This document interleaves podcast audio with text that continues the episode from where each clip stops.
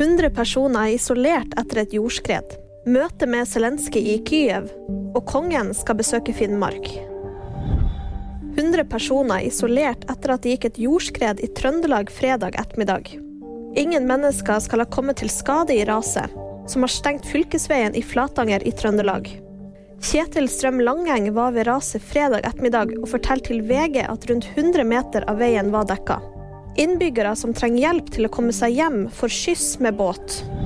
Fredag besøkte forsvarsminister Bjørn Arild Gram og forsvarssjef Eirik Kristoffersen hovedstaden Kyiv i Ukraina. Det skriver TV 2. De har møtt president Vladimir Zelenskyj, som også kunngjorde besøket på Telegram. Norge har vært støttende for Ukraina siden krigen brøt ut, og gjort mye for at våre soldater har kunnet stille sterkt på slagmarken. Vi setter pris på det. Det skriver Zelenskyj. Regjeringen opplyser i en pressemelding at Norge vil donere luftvern til Ukraina. På mandag vil kong Harald besøke garnison i Sør-Varanger og Jarfjord grensestasjon. Som en del av besøket skal kongen hilse på vernepliktige og se på utstyret som brukes av soldatene. Besøket vil skje i forbindelse med den store militærøvelsen Joint Viking, som starter 6. mars og varer til 16. Og det var VG Nyheter, og de fikk du av meg, Live Auskar.